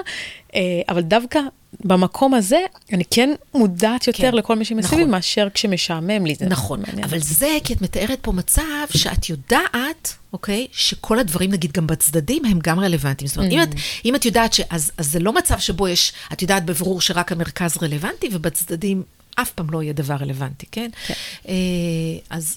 שזה מה שאנחנו עושים, כן, זה מה שהתיאוריה הזאת מתייחסת אליו, למצב שאת יודעת שמשהו לא רלוונטי, וזה תמיד היה דוגמה, אני לא יודעת אם תמיד, כי עשו המון ניסויים סביב התיאוריה הזאת, אבל הרוב הגדול של הניסויים זה היה באמת משהו מרחבי כזה. נגיד, אנחנו יודעים בבירור שהמטרה תהיה רק במרכז, ושלעולם היא לא, היא לא תהיה, מה שיש בצדדים הוא אף פעם לא המטרה שלנו. Mm-hmm. אז, אוקיי, ואז הטענה היא שאם המשימה שלנו במרכז היא מאוד קשה, אז לא חשוב שיופיעו דברים בצדדים שיכולים להפריע לנו, הם לא יפריעו לנו. אם המטרה היא קלה, דווקא אז הם יפריעו. וזה שונה מהמצב שתיארת, כי, כי את אומרת, אוקיי, אני יודעת שיכולים לבוא מכאן, יכולים לבוא מכאן, ואז בעצם את, זה מצב שבו את מבינה הכל, כמעט, או כמעט, אוקיי, אולי לא מהשמיים, לא ינחת עליי עכשיו איזה מסוק, אז, אבל, אבל חלק מאוד גדול מהשדה הראייה שלי רלוונטי, ואז את כאילו בעצם מרחיבה את החלון הקשבי וקשובה להכל. זה מצב אחר. אז בהתאם אוקיי? למה שאת אומרת, אז נניח אם אני נוסעת באיילון, ואני כולי בקשב לרכבים מסביב, אני כמעט בחיים לא אשים לב לכל הפרסומות והשלטי חוצות שנמצאים, אה, נכון. זה, כי, כי זה... באיילון אין, אין, כי באיילון לא קופצים דברים מהצדדים. כן, נכון. את הרכבים, וזה אני תמיד מאוד... הופפולי, כן. את רק יודעת, אוקיי, יש כביש אה, רחב, אז זה לא רק כל כך במרכז, אבל אם נגיד אנחנו רואים מעבר לכביש, עם כל המסלולים הרחבים, ממש ממש מהצדדים לא יבואו כלום, ואז אם, אם יש הרבה רכבים על איילון, נגיד את בשעת ה... אבל אז גם לא... הבעיה, לא, זה כאילו בדיוק... אם, אם אני עכשיו, אני נוסעת שם, זה כביש אה, יחסית מהיר, אה, ויש מלא רכבים שעוקפים וזה, ואני, כאילו, אני לא רוצה להיות מהאלה איטי מדי, אבל אני גם לא רוצה זה, ויש כן. מכוניות שנוסעות מכל הכיוונים, ואני צריכה להישאר בנתיב, אה, אה, הייתי באיילון לפני כמה זמן, וכאילו, יש להם כמו סללומים כאלה בכביש, אז אני כל הזמן מפוקסת שאני לא אלך לנתיב של מישהו אחר. כן. אז אני כל כך ממוקדת בכביש, אין אה, אנשים שיקפצו עליי, אז נכון. לז- על זה אני לא דואגת, אבל אני כל כך ממוקדת בכביש, שאני לא אשים לב לכל מה שיש מסביב. נכון. זה מה שהתיאוריה ה- תגיד, שאת לא תשימי לב. לעומת זאת, זה אם לא את, אה. כן, אם את נגיד אה, באיילון בלילה, שאין הרבה רכבים, אה, ממש בלילה, נגיד, לא יודעת. שתיים כמעט כל, בלילה. לא יודעת, שכל שעה שהייתי באיילון תמיד היו רכבים, נכון, זה נורא. זה נוראי. גם אני חשבתי על זה כדי. נגיד, לא משנה, אה, אני חוזר ארבע בזמני, אולי. ללא הפסקה, אה, כאילו, אה, כן, אבל נגיד יש הרבה סיבה פחות. שקוראים לה ככה. יש, נגיד בארבע נכון. בלילה, אני חושבת, נגיד שכבר כל מי שבילה כבר, אה, יש גם. אוקיי, אז זו לא דוגמה כל כך טובה. אבל לצורך העניין תדמיינו נניח שלא היה. תדמיינו לכם שאין הרבה, את- אתם ועוד מישהו באיזה מסלול, כאילו יש הרבה נתיבים, אז, אז יותר תשימי לב, אוקיי? זה מה שהתיאוריה כן. אומרת. אמ, אבל איך בודקים את זה? זה מוביל אותי ל- ל- לאחד הדברים שאני עושה עכשיו, וזה להשתמש בגודל האישון, להסתכל על גודל האישון, אוקיי? את רוצה לשאול משהו? לא, לא. אוקיי. אז זה משהו שהוא ממש ממש חדש, ולכן אני כל כך מתלהבת ממנו. כי, כי, כי באמת, כל השנים האלה הקשב סמוי, ואין לנו, אנחנו רק צריכים למצוא מין כל מיני דרכים שהן כולן נשענות על ההנחות, כל מיני הנחות כאלה שתיארתי. אבל ממש יחסית לאחרונה, הראו שאפשר להשתמש בגודל האישון כדי לדעת איפה הקשב הסמוי, או מה קורה עם הקשב הסמוי. אז, אז אני רוצה טיפה ללכת אחורה ולהגיד שאנחנו יודעים כבר הרבה שנים, שמה שקובע את גודל האישון זה לא רק כמות האור שבסביבה. זאת אומרת, אנ- אנחנו יודעים עוד יותר הרבה שנים, כן, שהדבר הכי חשוב שקובע את גודל האישון והכי הכי משפיע זה כמות האור שבסביבה. זה בעצם התפקיד המרכזי של האישון, לווסת את כמות האור שבסביבה. אם יש הרבה אור, אז אנחנו מקטינים. האישון זה פשוט החור השחור הזה שמסתכלים על העין, נכון? יש עיגול שחור באמצע, זה האישון, זה בעצם חור, אוקיי? דרך החור הזה האור נכנס פנימה. כי מי שצריך להגיב לאור זה הרשתית, שהיא נמצאת כאילו בחלק האחורי של העין, כאילו יותר קרוב לחור של הראש, כן? אז האור צריך להיכנס פנימה לתוך העין, כדי שבכלל יוכל, כן, להפעיל את הנוירונים וישלחו את המידע למוח. אז אם יש הרבה אור, אוקיי, ונכנס יותר מדי אור, אנחנו מסתנוורים, כן? אתם מכירים את החוויה הזאת שמסתנוורים, שיש יותר מדי אור, זה לא טוב, אוקיי? אה, אז אם יש יותר מדי אור, זה לא טוב. אז אם יש הרבה אור יחסית בסביבה, אנחנו מצמצמים את החור, כן? אה, אז העיגול השחור הזה נהיה, נהיה קטן. ואם אין הרבה אור, אוקיי, ואנחנו רוצים להשתמש באור כדי לדעת מה קורה בעולם, זה בעצם חוש הראייה, אז אנחנו פותחים את האישון. עושים אותו יחסית גדול, כדי שכמה שיותר אור ייכנס, כי אין הרבה. אוקיי? אז, וזה הדבר שהכי הכי קובע את גודל האישון. אנחנו יודעים כבר די הרבה זמן שזה לא הדבר היחידי, ויש עוד כל מיני דברים, והכי בולט זה עוררות, כן? מכל סוגי העוררות, קוגניטיבית, מינית, כן? אז אם אנחנו רעבים, האישון יותר גדול, אם אנחנו מתאמצים, כן, effort, שזה מין עוררות קוגניטיבית, אפשר לקרוא לזה, אבל effort זה, זה ידוע כבר הרבה זמן, שאם אני מסתכלת על האישון של... אה, נבדק שהוא פותר בעיה קשה בחשבון, לעומת שהוא פותר בעיה קלה בחשבון, אז כשהיא קשה, האישון יותר גדול, וכשהיא קלה, האישון יותר קטן, כן? כאילו כשאנחנו באיזושהי עוררות, כן? מכל סוג שהוא, אנחנו רוצים שכמה שיותר מידע ייכנס, ואז אנחנו מרחיבים את האישון, אוקיי? אה, יש, יש אפילו טענה, כן? אתם אולי לא מכירים את זה, כן? שמהמרים יודעים להסתכל, כן? על... שאנחנו נרגשים, יש לנו יד טובה במשחק קלפים, כן? אוקיי. ואנחנו נרגשים, אז האישונים יותר רחבים. יש טענה שכן, שיושבים בדייט, אם מי שיושב ממולך, אז האישון שלו רחב, כן? אז הוא כנראה באיזושהי עוררות, ו... אבל אני לא יודעת, אבל זה, זה ככה, כן, טענה. האגדות הרובניות שמסתובבות סביב זה. אז אוקיי, זה אנחנו יודעים כבר הרבה זמן, ומשתמשים בזה, אבל זה לא, זה אף פעם לא היה רלוונטי לקשב סמוי, כי זה תהליכים שהם הם לא, הם קצת כמו, הם, הם כמו עוררות, הם לא, אין בהם כל כך בחירה של משהו כן. ספציפי, בטח לא של מיקום במרחב ספציפי, אוקיי? שזה מה שמעניין אותנו כחוקרי קשב סמוי. אה, אז... יש, אה, היה טרנד בטיקטוק, אני מרגישה את זה, זה זקנה כזה, טיקטוק. אה, היה טרנד בטיקטוק שאנשים אה, צילמו את העיניים שלהם ואמרו, אה, אה, אם אתם חושבים על מישהו שאתם אוהבים, אז האישונים שלכם יתרחבו. אה, ואז באמת כזה עשו. וראו את זה, כן. אז השאלה היא, האם זה באמת היה, פשוט כי הם היו בהורות והפנו לזה קשב, או שבאותה מידה הם היו חושבים על מישהו שהם אה, שונאים, או על מטלות שיש להם לעשות דברים כאלה, האם גם אז האישון היה מתפחד? נכון, אי אפשר לדעת, נכון, אנחנו לא יכולים זה לדעת, לא- כי יש בכלל לנו לא מתרחב קשור מכל לאוהבים, הסיבות לא האלה. אוהבים. כן, מכל הסיבות האלה. וחוץ מזה, את לא יודעת אם הם לא קצת שינו את כמות האור, אה, זה ואחר כך. הוציאו את זה מהסרטון, לא יודעים. כי השינויים האלה הם גם לא כאלה מהירים. אוקיי, אז אה, אם אם זה היה נראה מהיר בסרטון יחסית, לא, זה היה ממש אה, כאילו כזה של אה, לאט לאט. בקושי... כן, אוקיי, כי זה לוקח זמן. וגם כן. השינויים שהם לא שינויים שקשורים לתאורה, הם לא ענקיים. מהמם. כן, הם לא מאוד גדולים. כן. גם אוקיי, יש להם לא, מוטיבציית- מוטיבציית עוקבים, כאילו נכנס להם פה אינטרסים אה, נכון. כאלה ואחרים. ש- התחילו לחשוב על זה, ואז הם נרגשים, כן. אה, כן. לא, זה לא היה ברמה, נכון, אתם מכירים את הטריק הזה, הייתי עושה את זה מלא בתור ילדה, שהייתי מסתכלת על המראה והייתי מכבה את האור, ואז מדליקה והיית אותו. ישר, ואז אני רואה את האישון אוקיי, שלי נכון, מהר מאוד. כן. אז זה לא היה ברמה הזאת שממש רואים את ההבדל, אה, זה, אבל אתה רואה בקטנה התרחבות, או שאתה כן. מדמיין, יכול להיות שאתה מדמיין את זה. ויכול להיות שאתה מדמיין, כי זה באמת שינויים לא גדולים, כן? זה ממש שינויים, אה, לפעמים במילימטרים, שכשאתה מסתכל בסרטון אתה לא יכול לדעת, אתה צריך איזה משהו... מעניין, זה כן. עושה לי חשק עכשיו ללכת לחפש בטיקטוק את האתגר הזה ולראות אם זה... אבל אם תעצרי, נגיד אפשר לעצור, למדוד עם סרגל, להגדיל, למדוד עם סרגל, וכאילו אפשר. פעם היו עושים ככה, היו מצלמים עם וידאו ומודדים עם סרגל. זה היה הרבה עבודה ידנית. היום יש לנו את אותו, אותו מכשיר שעוקב אחרי תנועות עיניים, הוא גם, כשהוא תופס, מה, הוא תופס את האישון, אמרנו, הוא תופס את העיגול השחור הזה, והוא בעצם כל הזמן, אותו, כל הזמן הוא מודד את הגודל של העיגול הזה. אז הוא עושה לנו, נותן לנו את זה ככה ב, בחינם. ממש. כן. אוקיי.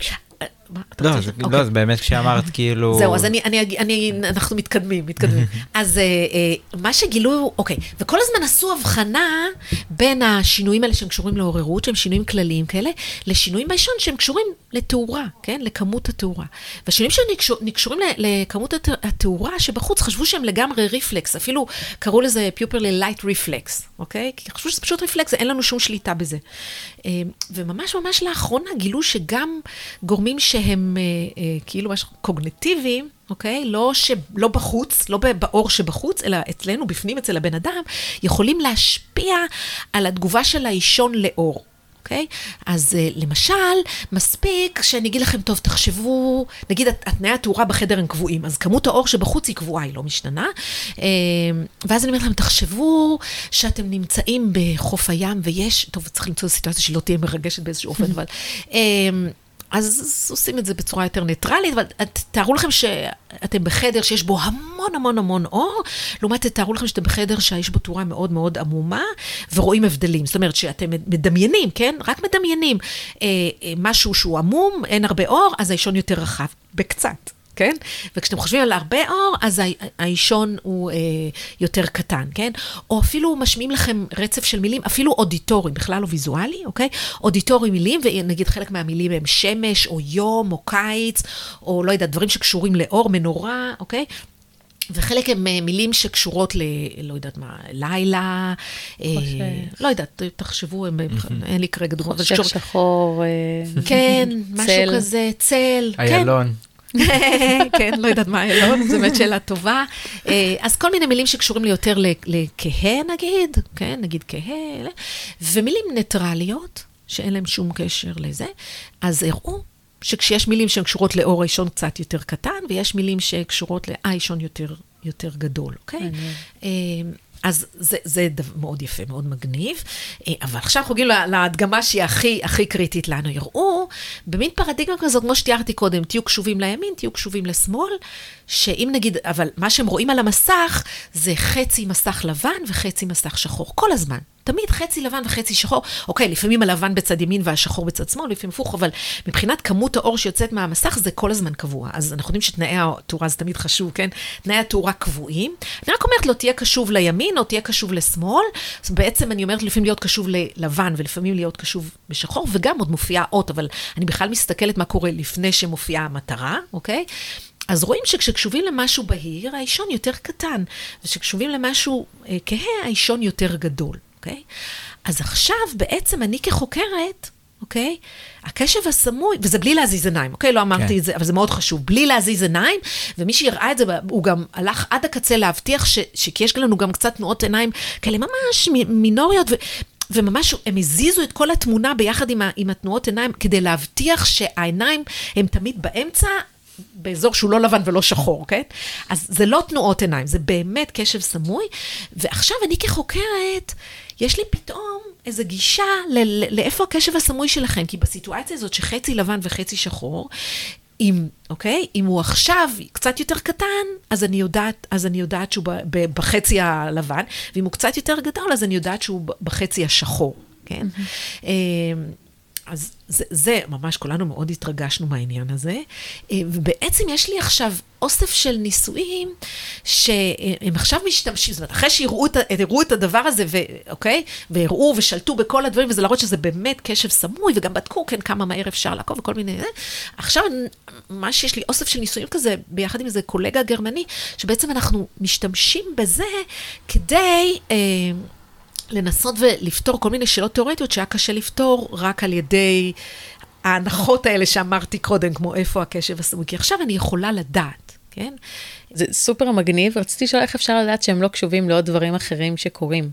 או האם אתם רואים מקצבים של דברים שגם, כן, כאילו, אז- האם אתם רואים באישון דברים שלא קשורים למקצבים, נניח סתם, אני יושבת עכשיו בניסוי, אני עושה אותו ואני רבע, והקשב שלי הולך עכשיו ל... אולי האישון שלי מגיב לרעב שלי, אני לא יודעת. אז האישון, למשל, תגובה של אישון לרעב, זה תהיה עלייה כללית של כל התגובה, כן? כי הרעב זה מין עלייה, עוררות כזאת, ואז האישון בסך הכל יהיה, בסך הכל יהיה יותר גדול, אוקיי? אבל הוא בעצמו יותר גדול, אבל הוא עדיין ישתנה מגדול לגדול עוד יותר, כן? נגיד, זה בהשוואה לשעת לא רבע, ואז בסך הכל, בממוצע, מעבר לעלייה, ירידה, עלייה, ירידה, הוא יהיה יותר נמוך, כן? כן. הרבה פעמים אנחנו, לא בניתוח הזה, אבל בניתוחים אחרים, הרבה פעמים אנחנו מורידים מה שקוראים לו ה baseline. זאת אומרת, אנחנו מודדים את גודל האישון לפני שנגיד הראיתי את החצי הלבן והחצי השחור, וזה מבחינתי ה baseline. וה baseline כולל למשל, האם את רעבה, האם את נרגשת, כי זה תחילת הניסוי, שכבר די, התעייפת, ואני מורידה את זה. אני מחסרת את זה, ואז מה שנשאר לי זה כאילו השינויים באישון שהם לא קשורים ל baseline, אוקיי?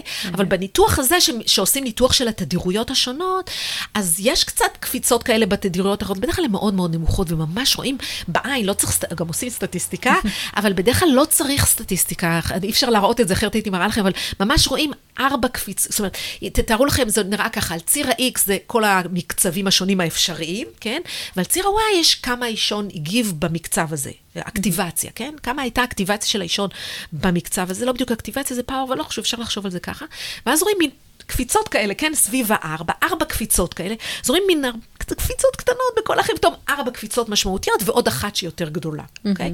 ואז אני כאילו... אה, כחוקרת יכולה בכלל לא לדעת מה היה הגירוי, רק ולא יודעת מה ההוראות, רק להסתכל על התגובה של הנבדק ולדעת איפה היה הקשב שלו. הסמוי, כן? כן. הוא כבר לא סמוי, אנחנו כחוקרי סמוי מאוד נרגשים מזה, כן. עכשיו, זה לא מושלם, אוקיי? זה לא מושלם כי האישון מגיב יחסית לאט. אה, אז זה אה, קשה כשדברים משתנים מהר, אם אני רוצה, למשל, הקשב הלא רצוני הוא די מהיר. זה קשה לבדוק קשב מה לא זה רצוני. מהיר?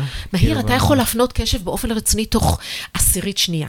אוקיי? 100 אלפיות שנייה, הקשב הלא רצוני שלך כבר שם. נגיד, אם יש הבהוב, תוך עשירית אה, שנייה, הקשב שלך כבר שם. והקשב הלא רצוני גם הולך מהר. מה זה הולך מהר? זאת אומרת, משהו משך עובר. את הקשב למקום מסוים, ולא קרה שם שום דבר מעניין, הוא ילך, למק... הוא כבר תלך למקום אחר, כן? הוא לא מחכה הרבה זמן. הקשב הרצוני כן יחכה. הלך לאיזה, אמרתי לך להיות בימין, ועברה, לא יודעת מה, שנייה שלמה, שזה לא נשמע הרבה, אבל ב- בראייה זה הרבה. עברה שנייה שלמה, ולא הופיעה האות הזאת שאמרתי לך שתהיה. אתה כן תחכה, למה? כי אתה יודע שיש 80 אחוז סיכוי שהיא תהיה שם, כדאי לך לחכות, כן? אתה בחרת לחכות מסיבה, שם לא בחרת לחכות, משהו משך לך את הקשב, אין כלום, אתה הולך למקום אחר, כן? אז זה קשה. אז זה, ק- והאישון, לוקח לו משהו כמו חצי שנייה להראות תגובות, אה, להתחיל להראות תגובות יפות. הוא מתחיל גם קודם, ולפעמים זה קודם, אבל כדי שיהיו תגובות יפות זה משהו כמו חצי שנייה, זה נורא לאט. נורא לאט בשביל קשב רצוני, אז זה קשה, זה מאתגר. זה, אז זה לא טוב, אז זה לא מושלם, כן, זה לא פתר לנו את... וגם צריך לבנות, כן, צריך לבנות uh, גירויים שיהיה בהם שינויי בהירות באז, שונים באזור, כמו הבהוב שונה באזורים שונים. זאת אומרת, זה גם מאתגר, uh, מאתגר מבחינת, כחוקרים, איך אתה בונה את ה... Uh, את ה displays שלך, כן, את, את המסכים שלך ואת איך, את הניסוי שלך, ככה שנוכל למדוד את זה בשינויי אה, אישון, כן? כי אם משהו קורה, אבל הוא לא מאפשר לי לראות את זה באישון, כן? אם נגיד הארבע דברים היו מהבהבים באותו קצב, לא הייתי יכולה להבחין ביניהם. זה רק בגלל שהם מהבהבים במקצבים שונים, אני יכולה לדעת, כן? אז, אז זה גם מאוד מאתגר כ, כחוקרים לבנות את המערך ניסוי שלך ככה ש... תוכל להשתמש תראה. באישון, כן? אבל זה הכיף, זאת אומרת, זה מה שאני הכי אוהבת, כן? בשבילי, כ- זה הכיף. איך, יש לי פה זה, ועכשיו, איך אני בונה את הזה, את ה... כן, את הגירויים ואת הדברים, ככה שאני אוכל לענות על השאלה שלי, וגם שלא יהיו, כן, הסברים חלופיים, שזה אחד האתגרים הכי גדולים, כן. אמ, איזה כיף לראות איך מתלהבת מזה ככה. כן. כן, נכון. זה, אני תמיד אומרת לסטודנטים שמה שכיף, שבאמת, כן, משרה באקדמיה המחקרית זה קשה, זה דרך ארוכה, וכן, אתה, זה מאוד תחרותי, וצריך לעשות דוקטורט ופוסט-דוקטורט, ולפעמים צריך לעשות שני פוסט-דוקטורט, עד שאתה מוצא משרה וזה, וזה. אבל מצאת משרה, זה המשרה הכי כיפית, עובדים קשה והכל, אבל אתה עושה משהו שכיף לך, שאתה אוהב, זה כמו, בשבילי נגיד, כמו לתת לי לפתור חידות, כמו אני אהבתי לדבר, אני כילדה, הנה עכשיו מישהו משלם לי משכורת, וכל שאני צריכה לעשות זה כן, לפתור חידות. אז נכון, אני עובדת נורא לא קשה. מאמין שמשלמים לי על זה. כן, בדיוק.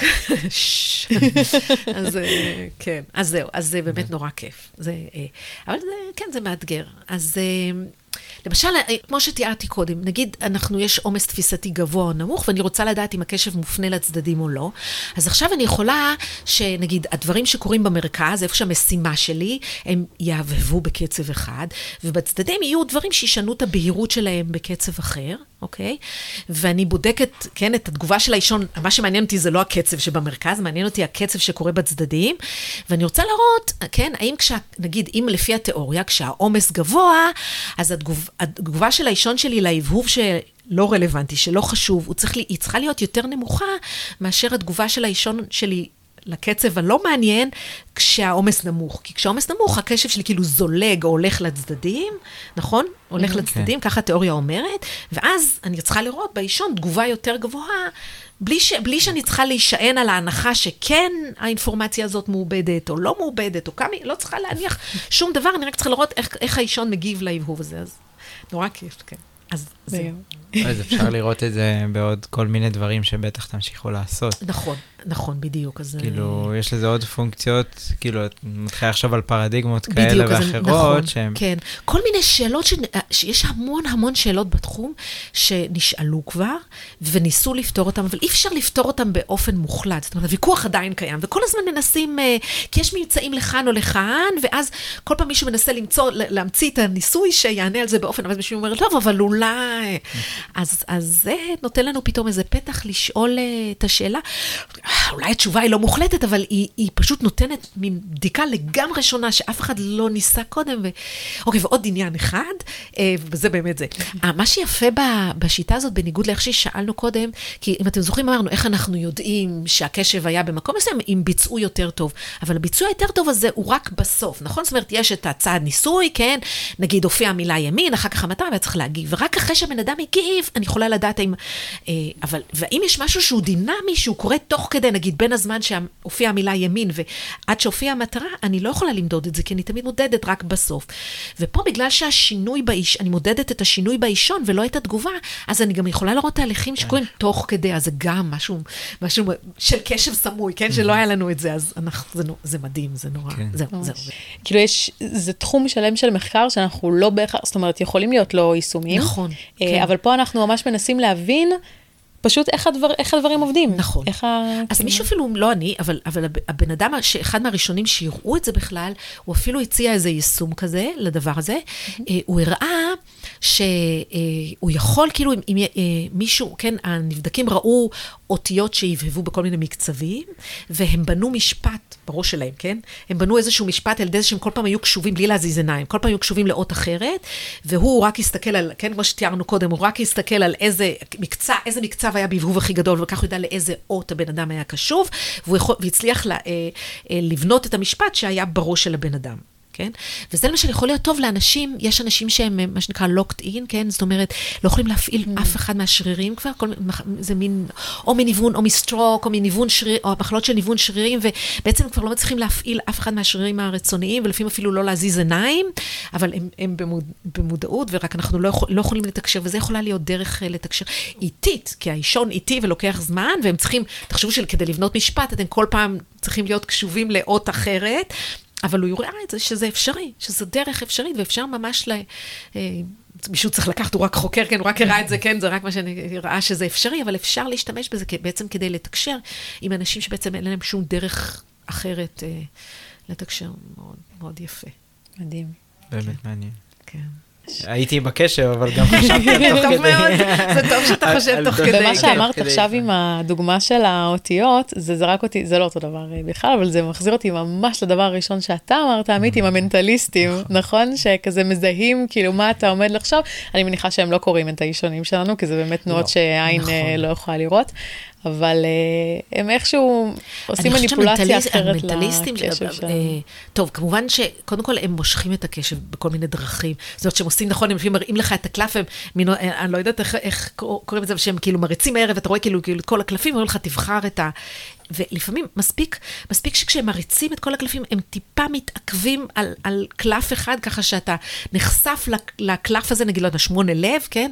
אתה נחשף לשמונה לב הזה קצת יותר מאשר לכל ה... אז סיכוי... סיכוי גדול שאתה אתה תבחר, תבחר. זה, זה, זה יהיה גם מה שתבחר, כי ראית אותו קצת יותר, כן?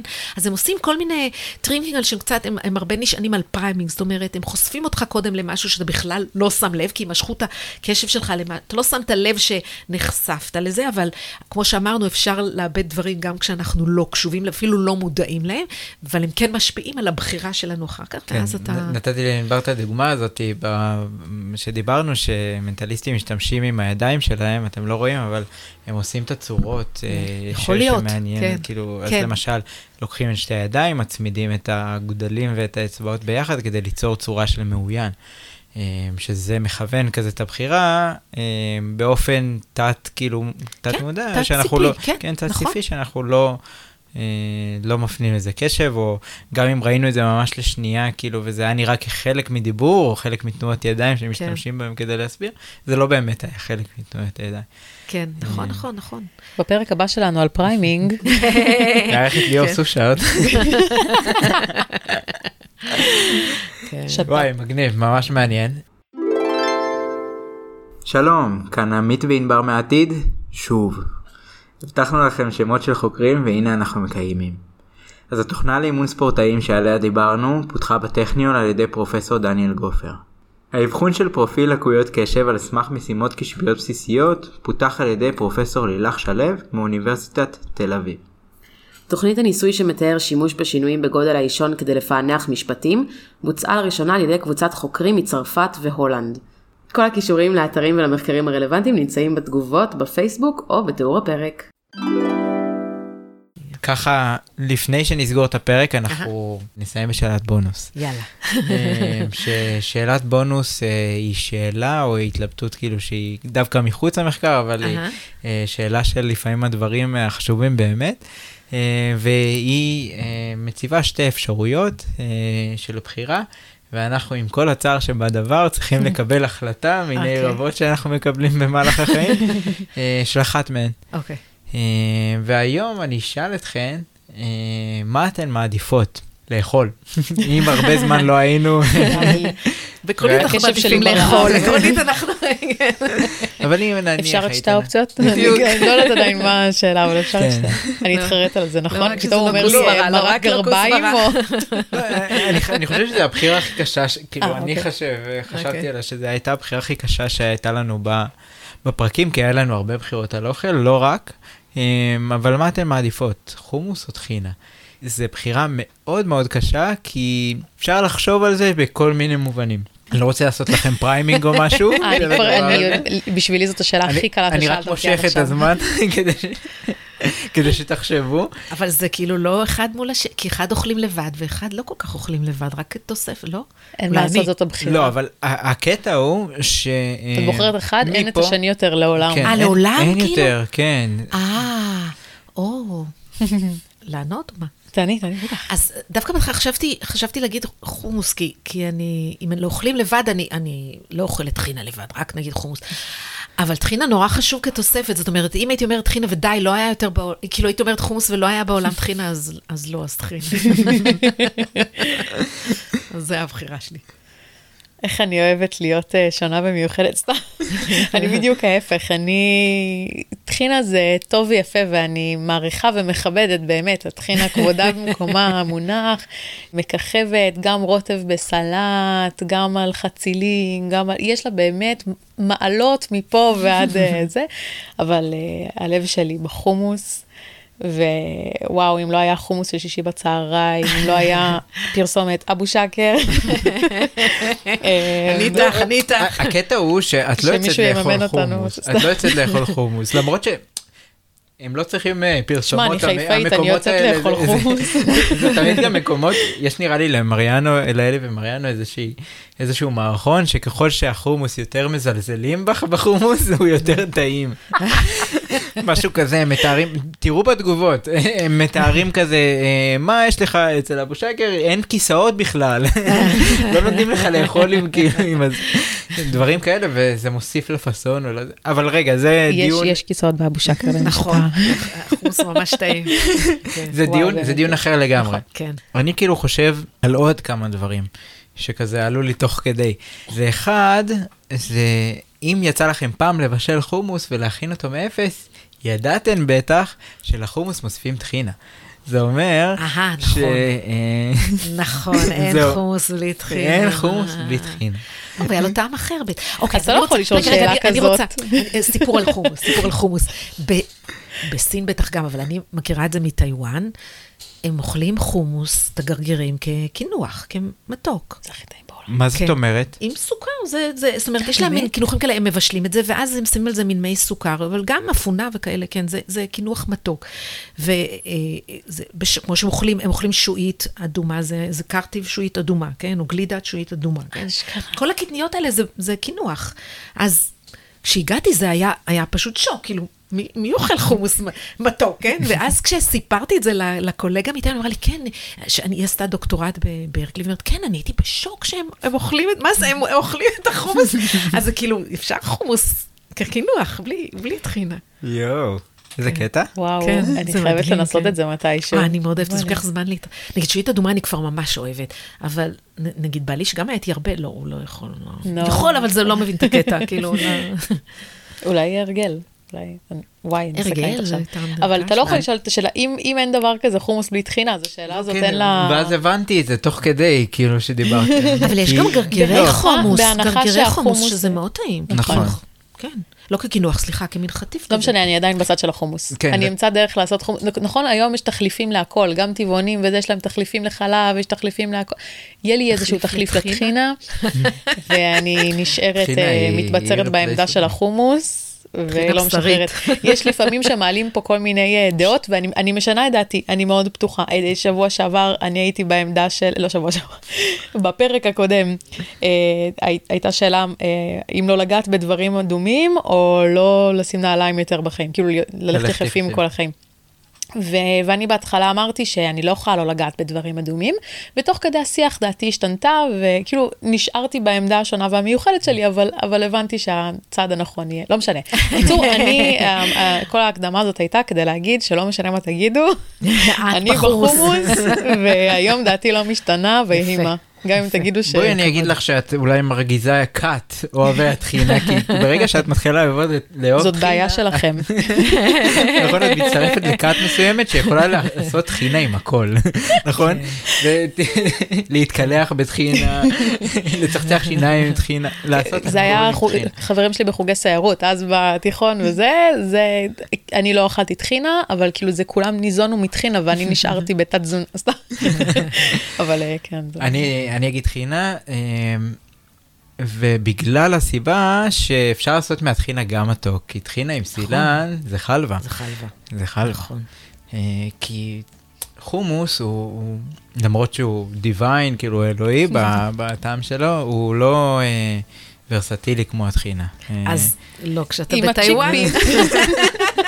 עכשיו קיבלת על זה, הופרכה הטענה שלך, תמצא הסבר חלופי. כן.